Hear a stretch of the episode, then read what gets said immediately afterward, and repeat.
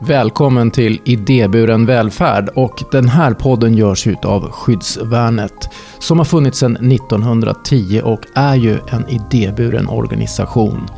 Jag som sitter här och är programledare heter Thomas Tränkner. Idag så ska vi bege oss till BUFF.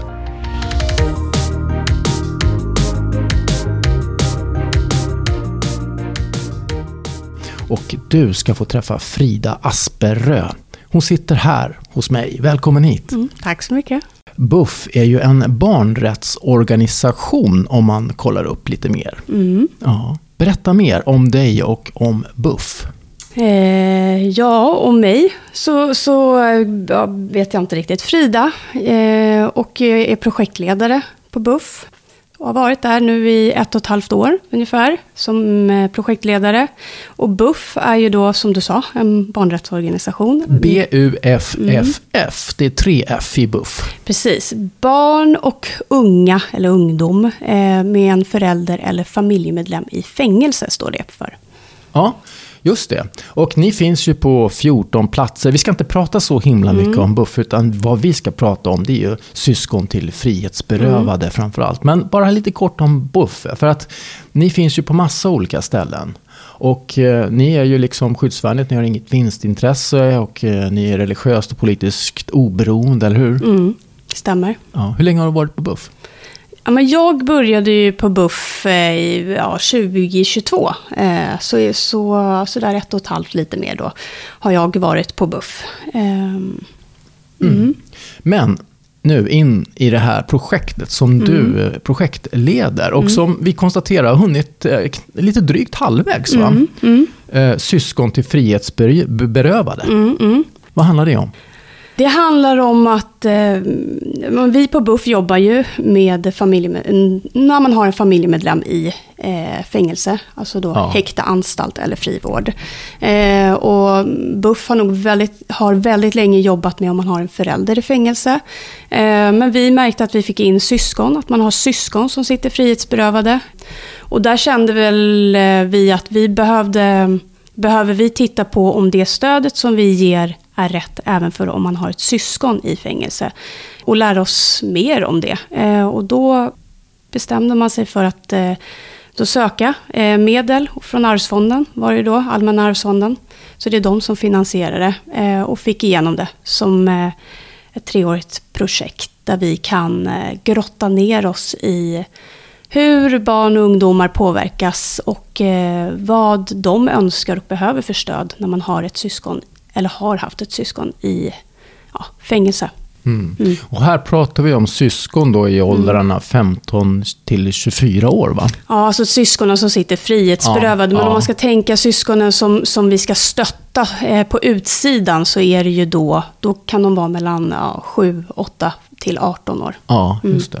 Och jag har ju också läst att det här projektet nu, alltså Syskon till frihetsberövade, har ju föregåtts av ett annat projekt mm. nära dig, som också är ett arv, mm. arvsfondsprojekt. Mm. Och var det inte så att det var ju där man upptäckte att det finns inte mycket gjort på det här området? Nej, precis. Man, man ville liksom kolla lite, vad finns det för forskning? Man gjorde en omvärldsbevakning och insåg att det finns väldigt lite kunskap, mer än att att många säger att det här behöver vi bli bättre på. Eh, och det man gjorde då från BUFs sida var att i och med att vi även har en uppsökande verksamhet, att vi jobbar eh, inne på häktena och anstalterna och träffar de som är frihetsberövade, var mm. att man gjorde intervjuer med unga personer där man frågade lite kring hur, ja, hade man oro för sina småsyskon? Eh, vad handlade den oron om? Och eh, där det också visade sig att småsyskon kunde vara en, eh, deras största motivator för att faktiskt själva vilja lämna kriminalitet. Och därför så valde man att nej, men vi, måste, vi, måste veta, vi behöver veta mer om det här. För det fanns en, också en rädsla för att man har varit en förebild och att eh, småsyskonen skulle följa samma spår. Liksom. Så därav projektet. Och även då namnet Bryta mönster. Eh, och anledningen till att du och jag sitter och pratar om det här mm. och att projektet finns, det är ju för att det här är väldigt angeläget. För det är många barn vi pratar om, eller hur? Mm. Det är, ja, det är väldigt många. Det finns ju ingen statistik på hur många, men det är många. kriminalvården har väl sitt statistik på hur många unga personer som är liksom frihetsberövade. Men eh, vi vet ju inte, syskon det är inget som för statistik på. Ja. Mm. Men åter till det här projektet Bryta mönster nu som har pågått, som du sa, ett och ett halvt år. Mm. Mm. Eh, målsättningen med det här, vad är det ni vill få ut med det här projektet? Målsättningen, det finns olika mål i det här. Eh, ett av målen är ju att vi på BUFF ska eh, anpassa vårt stöd. För att ett syskon kanske, har man ett syskon som är frihetsberövat så kanske det inte är samma stöd man behöver som man har en förälder. Eh, många gånger så kanske man har delat miljö, eh, skola, eh, vänner eh, och så vidare. Och vi, vi kände att vi behöver veta mer för att veta, gör vi rätt? Och tänker vi rätt? Så en sak var att, att utveckla vårt arbete helt enkelt. Sen eh, handlar det också om att, att öka kunskapen i samhället. Men, och alla som jobbar med barn och unga. Eh, att eh, i bemötande, hur ska de tänka? Hur kan de arbeta? Är det något som behöver ändras i rutiner och, och så vidare utifrån eh, det vi gör. Och sen så handlar det ju om, ett, ett av målen är ju också att få fram något form av tekniskt stöd så att man inte ska behöva vara på plats eller träffa oss för att få ett stöd. Så det är också något som vi det här projektet är ju inte att, att vi sitter som jobbar i projektet och ska lista ut vart allting, vad allting är, utan vi har även med oss småsyskon som är med som är referenspersoner har vi. Och eh, vi har samverkat en hel del för att kolla hur ser det ut? Hur fungerar det hos socialtjänsten? Hur tänker polisen? Hur eh, går tankarna hos kriminalvården när det kommer till syskon och sånt där? Så vi har samlat, samlat, samlat. Och även vad säger de unga frihetsberövade? Vi har fortsatt med de intervjuerna också. Och mm, grottat ner oss lite ytterligare kring syskon. För det var ju som vi pratade om innan här att risken är ju att syskon kan gå in i, i kriminalitet och följa sina, sina äldre syskons mm. fotspår. Och mm. Det är väl också en viktig del i målet att förhindra det. Mm. Alltså det är, ju, det, är ju, det är en risk. Men jag, eh, ju längre fram vi jobbar i det här projektet så ser vi att eh, det är så mycket annat också kring hur syskon påverkas. Det kanske inte är där vi, vi fokuserar som man kanske tänkte till en början. Även om vi vet att risken finns. Och det behöver vi ha med oss. Men det är så mycket annat. Psykisk ohälsa. Eh, Utanförskap kanske? Ja, alltså det är, det är så mycket annat än att bara fokus ska vara på att syskon inte ska hamna själva i, i kriminalitet. Ja, hur relationerna påverkas i, för de här syskonen bland vänner, familjen, till sitt frihetsberövade syskon och så vidare. Hur um, har ni lagt upp det här då? Det, det rent praktiska arbetet? Det rent praktiska arbetet är ju att det är jag som sitter i, i Stockholm som projektledare och så har jag projektmedarbetare. En som är i Helsingborg, Helsingborg, Malmö skulle jag säga. Och en kollega uppe i Luleå Eh, och det är också för att vi vill titta på, skiljer det sig åt om man bor i en storstad, hur man påverkas och vilket stöd som ges jämfört med om man bor i en mindre stad som Helsingborg eller rent av uppe i Norrland som Luleå. Så vi jobbar på tre olika håll men ändå tillsammans. Och det vi gör är ju Dels har vi, är det intervjuer med unga frihetsberövade som har småsyskon. Intervjuer med småsyskon som har ett frihetsberövat syskon. Tanken var från början att man skulle ha en referensgrupp, eller tre olika, en i Luleå, en i Stockholm och en i Helsingborg, eh, som skulle vara de här syskonen. Men det valde vi bort väldigt fort på grund av risker. Eh, Vilka risker då tänker du på? Risker för att eh, om man tänker så här, buff ska vara en trygg plats. Eh, och, och, om vi har ett sysk några syskon som kommer till oss som har frihetsberövade syskon som kanske är i en konflikt med varandra. Eller kanske kan komma att hamna i konflikt. Så vill inte vi, vi vill inte bidra till det. Så att vi har dem liksom, de är som referenspersoner nu, säger vi mer. Så att vi träffar dem en och en. För att de ska hela tiden vara med som våra experter i, i, i det vi jobbar med. För det är deras röster och det är det de säger som är det viktiga. Eh, så då träffar vi de här syskonen, vi frågar, frågar olika frågor, vi djupdyker i olika mm, teman. Och sen har vi också en, som en professionell referensgrupp, eh, där vi vill få med så brett som möjligt. Så kriminalvårdens huvudkontor är med där. Vi har polisen med oss, eh, Länsstyrelsen. Massa ja. myndigheter helt enkelt? Ja, massa myndigheter. Mm. Och kanske också andra organisationer? Eller? Ja, nej, vi har faktiskt inte någon annan organisation. Vi har mm, så här, Helsingborgs hem är med eh, utifrån... Från det, det är bo, eh, bostadsbolaget ja, Helsingborg. Precis. Så de är med, men ingen annan organisation har vi inte med. Är det lätt att få med barn och vara med på det här? Nej, det har, det har, det har behövt. Jag tror att om man tanken från början när, när jag hoppade in i det här var nog att det var tänkt att de här intervjuerna och, och referenspersonerna skulle vara klara under år ett. Det har varit eh, inte svårt alls att få unga frihetsberövade att vilja vara med på det här. De har öppet delat och varit väldigt... Eh, de, de sitter ju också på en oro och vill hjälpa till och vill finnas, att det ska ges ett stöd till deras syskon. För att de tycker själva att det saknas. Men när det kommer till syskonen på utsidan så krävdes det väldigt mycket att ta, för oss som jobbar, att ta ett steg tillbaka, få dem att känna sig trygga, bygga en relation. Det kunde ofta gå från att jag inte påverkar till att nästa gång jag är för påverkad, det här är för jobbigt att prata om, till att man Eh, till att de kanske vågade börja prata om det. Och sen så har det, det, har varit en jätte, det har varit en process på nästan ett och ett halvt år. Eh, och nu är vi där att eh, de delar väldigt fint. Och många gånger så är de, nu är de med på en plats där de är så här, säg till om vi kan hjälpa till med något. Men det har tagit jättelång tid. Och att bygga tillit och relation. Att, att, att jag, jag tror att många är också och det här är de vana vid, att man är så intresserad för att man är nyfiken på brottet, man är nyfiken på den frihetsberövade. Men jag går ju in med ett fokus på bara syskonet. Eh, hur har det här påverkat dig? Hur har det blivit för dig? Hur förändrades det för dig i, i familjen? Hur blev det med dina vänner? Eh, och när de insåg att jag är bara intresserad av deras historia så tror jag att de eh, mer och mer förstod att jag är inte där för att eh, jag vill grotta mig ner i deras syskon eller kriminalitet, utan bara kring dem. Har du några speciella strategier eller metoder, förhållningssätt när det handlar om barn som du samtalar med? Alltså hela tiden att de säger bara så mycket de vill säga. Jag har inga krav överhuvudtaget. Eh, när jag gjorde intervjuerna så lät jag dem alltid kolla på frågorna först. Och jag sa alltid till dem att du säger precis hur lite eller hur mycket du vill. Eh, du kan också välja om du inte vill svara på en fråga. Det har inte hänt, de har svarat. Men det har hela tiden varit det ni som styr det. Jag, eh, och jag har inga krav. Jag är bara tacksam över att du väljer att, att dela med dig. Så att jag tror att, och, och att ge dem tid. Jag har inte stressat fram det överhuvudtaget.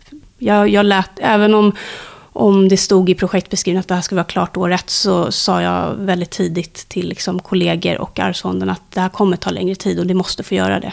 Eh, och, ja. Men nu är vi på en plats idag där, där de delar med sig och jag ringer ett samtal eller vi går ut och käkar eller går en promenad och de ställer upp direkt. Mm. Mm. Kan man komma in lite på resultaten så här långt? Är det någonting du kan berätta om? Vad, vad har liksom framkommit så här långt? Dryga halvvägs i projektet? Dryga halvvägs, ja, jag kan, jag kan, vi ser ju tendenser och vi ser vart vi är på väg. Det man kan säga överlag är att de här småsyskonen sitter på en jättestor oro. En oro som påverkar dem otroligt mycket. Det är en oro för deras syskon. Eh, det kan handla om hur, hur har han, han eller hon det liksom i häktet eller på fängelset. Hur ska det bli? Eh, kommer, kommer mitt syskon bli dömt? Eh, vad händer om när mitt syskon kommer ut igen? De, många kanske också länge har levt med en oro innan frihetsberövandet, beroende på hur syskonet, det frihetsberövade syskonet levde innan. Men också en oro för sin egen säkerhet. Eh, och oro för hur ska vänner ta emot det här. Oro för att någon ska döma deras många gånger väldigt älskade syskon, eh, som för dem är kanske den viktigaste i deras liv. Eh, så att, och den oron visar sig på olika sätt. Eh, det kan vara Många pratar om att skolan blir jobbigt, svårt att koncentrera sig, vaken på nätterna. Ja.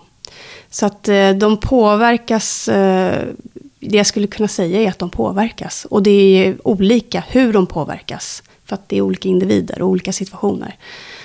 Eh, ja, så det kan jag ju säga att vi i alla fall ser. Sen ser vi andra saker också. Men ja, det är det som kommer upp i mitt huvud. Nu pratar vi väldigt mycket om dina samtal, eller mm, era samtal mm. med, med eh, syskon, unga syskon till frihetsberövade. Men mm. om vi också, har ni tittat någonting på det här med eh, moderna verktyg för stöd som, som eh, du, mm. du nämnde och kanske det här med att utbilda personalen hos er? Det har vi gjort. Eh, och det är ju också en sak som vi märkte under år ett, när vi också var ute väldigt mycket för att vi ville hitta de här syskonen som ville ställa upp. Och då, och då var vi ute på, på fritidsgårdar, vi var ute i, i skolverksamheter, elevhälsa, eh, socialtjänsten eh, och pratade om det här. Och eh, det, det visade sig ju väldigt, väldigt snabbt och nästan alltid att det här är någonting som man behöver bli bättre på. Eh, att se de här syskonen. De är väldigt bortglömda. Fokus är alltid, har alltid varit liksom, på deras äldre syskon. Eh, så att hur vi ska göra, är vi, ja, vi, på, vi vet ungefär vart vi är på väg, men jag kan inte säga det just, just nu. Mer än att vi, vi vet att vi måste dra vårt strå till stacken. För att vi, alla syskon hamnar inte på buff. Eh, men eh, alla syskon småsyskon går i skolan på ett eller annat sätt. Eller vissa har med socialtjänsten att göra och så vidare. Så att vi behöver, vi behöver sprida vår kunskap. Eh, mer än att det är en föreläsning någon gång. Eh, det behöver bli lättare att nå vår kunskap. Um, och det här tekniska hjälpmedlet var väl tänkt från en början att det skulle kanske möjligtvis vara en app. Men det här är ju någonting som vi har ju kollat med småsyskon. Vad, vad skulle det vara för er? Vad skulle ni faktiskt använda?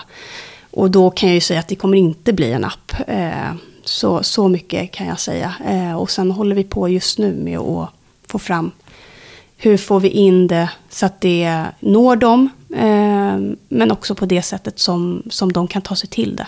Mm. Vad har varit roligast och eh, ja, lättast på något slags, slags sätt? Eller gått bra så här långt? Oj, eh, jag tror att man, det skulle jag kunna dela upp.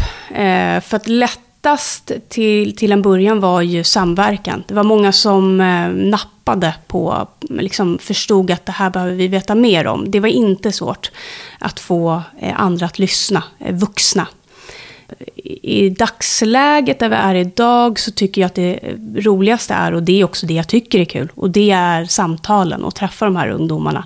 Eh, även om det många gånger är väldigt tunga samtal. Men, men det är det som driver mig. Eh, sen... Eh, vad är lättast i dagsläget? Nej, men lätt, lättast är egentligen... Eh, det är ju tack vare de här småsyskonen som vi har. Eh, som eh, så fint vill, vill dela. Och de, många säger också att eh, jag vill, jag vill vara med och bidra till att hjälpa andra syskon. Eh, och, och det är väldigt fint och det, det gör det också enkelt. Men det tog ett tag. Mm. Men då omvänt, vad har varit svårast och eh, saker ni har upptäckt inte kanske var så lätt som du trodde? Men svårast var ju, det, det varit mycket, mycket trögt. Jag, jag, jag, visste nog att det skulle bli trögt att, att hitta de här småsyskonen och få dem att ärligt vilja dela med sig. Eh, så det har varit svårast. Eh, det var en, liksom en uppförsbacke i början. Nu är, handlar det egentligen, det, det, det är tunga samtal. Det är också vad gör vi rätt? Eh, vi är liksom inte psykologer, vi är inte terapeuter. Eh, vad är våran vad är det vi ska fokusera på här? Och, ja, så det, men det skulle jag säga, det, det, det ja, hur gör vi det bäst liksom? Men är inte det lite grann av ett mål också med projektet? Att kartlägga vad är det vi behöver för att det här ska bli riktigt bra i framtiden? Mm. Och det kan man väl säga att det kan inte vi göra själva. Det kan inte vi på Buff göra själva. Vi kan, vi kan utforma hur vi på Buff gör så gott vi kan utifrån våran kompetens och vårat område. Eh, men sen så, så ser ju jag att det, det är ett stort glapp Eh, och det, det saknas insatser liksom och att de här syskonen synliggörs hos andra myndigheter. Eh, men där kan ju vi göra så gott vi kan genom att sprida den kunskapen vi har idag. Mm, precis. Mm. Och det är ju precis det som projektet handlar om. Mm. Ju. Mm. Att eh, hitta de här kritiska faktorerna Mm. så att eh, syskon eller anhöriga, unga anhöriga till de som sitter frihetsberövade Mm. får ett bra stöd. Mm. Ja, eh, ett och ett halvt år kvar. Mm. Hur känns det? Mm. Nej, men alltså det, det känns bra. Eh, det gör det. Det är ett och ett halvt år kvar. Nu ska vi liksom samla allt. Vi håller liksom på. Nu ska vi samla allt. Vi ska få ner allt. Vi ska strukturera upp det. Och där är vi ju i dagsläget. Eh, och vi ska mm, ja, börja arbeta med att få fram det som vi ser behövs. Om jag skulle fråga samma sak till dina kollegor i Helsingborg och i Luleå. Mm. Skulle de också säga att det känns bra? Mm, det tror jag. Däremot så kan jag ju säga att eh, det som har varit, eh, om jag tänker eh, när det kommer till min kollega uppe i Luleå, så har det varit, om jag har haft det trögt och eh, om liksom Skåne eller Helsingborg, Malmö har haft det trögt, så där är det jättesvårarbetat. Och det kan, det också, det vet vi inte vad beror det på. Det kan handla om att det kanske inte är lika eh, liksom det här som händer ute, det är väldigt fokuserat liksom söderut. Om man tänker alltså, mm, så, hon brukar, kollegan där brukar alltid säga att det är söderut. Eh, och då är ju Stockholm involverat. Eh, Kollegan i Luleå säger att Ja, det är så. ja, vi är ju söder. Jag Ja. tänker söder så tänker jag Malmö. Men, men där har det varit svårt. Och det kanske har mötts många gånger av den här, eh, vi har inte de här, det, vi har inga som har ett syskon som är frihetsberövat. Är- vi har inte den här målgruppen hos oss. Eh, och så kanske man vet i samma veva att det, jo, fast det kan man inte säga.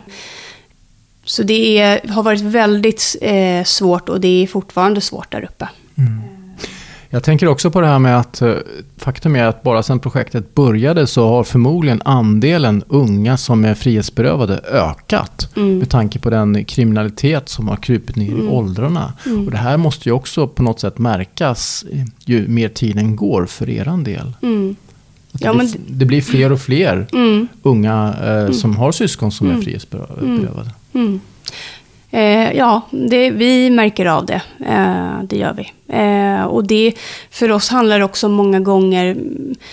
Vi brukar ju säga att vi stöttar liksom barnen, men för många gånger så handlar det ju om också att stötta de vuxna i det här, alltså omsorgspersonerna, för att de ska kunna vara, finnas där för sina barn. Eh, och som det ser ut idag så är det ju många gånger att vi behöver stötta liksom en mamma väldigt mycket, för hon har ett barn i, i, i häktet och ett barn på utsidan. Eh, och hur förhåller man sig till det? Eh, det vilket är supersvårt. Men ja, så det, det märker vi och då är ju också syskonen många gånger väldigt små. Eh, och hur, hur tacklar man det? Hur pratar man om det när de är sju, åtta år?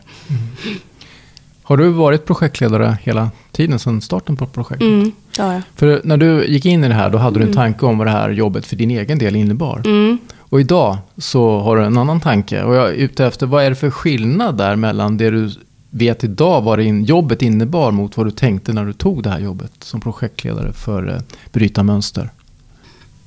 Alltså när jag, jag, jag har liksom alltid arbetat, eh, som, man, som man säger, på golvet. Eh, i, i, med barn och ungdomar i direktkontakt. Jag har inte så mycket kan, jobbat vid en dator. Eller så, så det har ju varit en utmaning för mig i sig. Det blir mycket mer av det menar du? Det har blivit mycket mer av det. Eh, och eh, där lägger jag ju upp arbetet så att jag, in, så att jag fortfarande får, får, får det jag tycker är liksom roligast.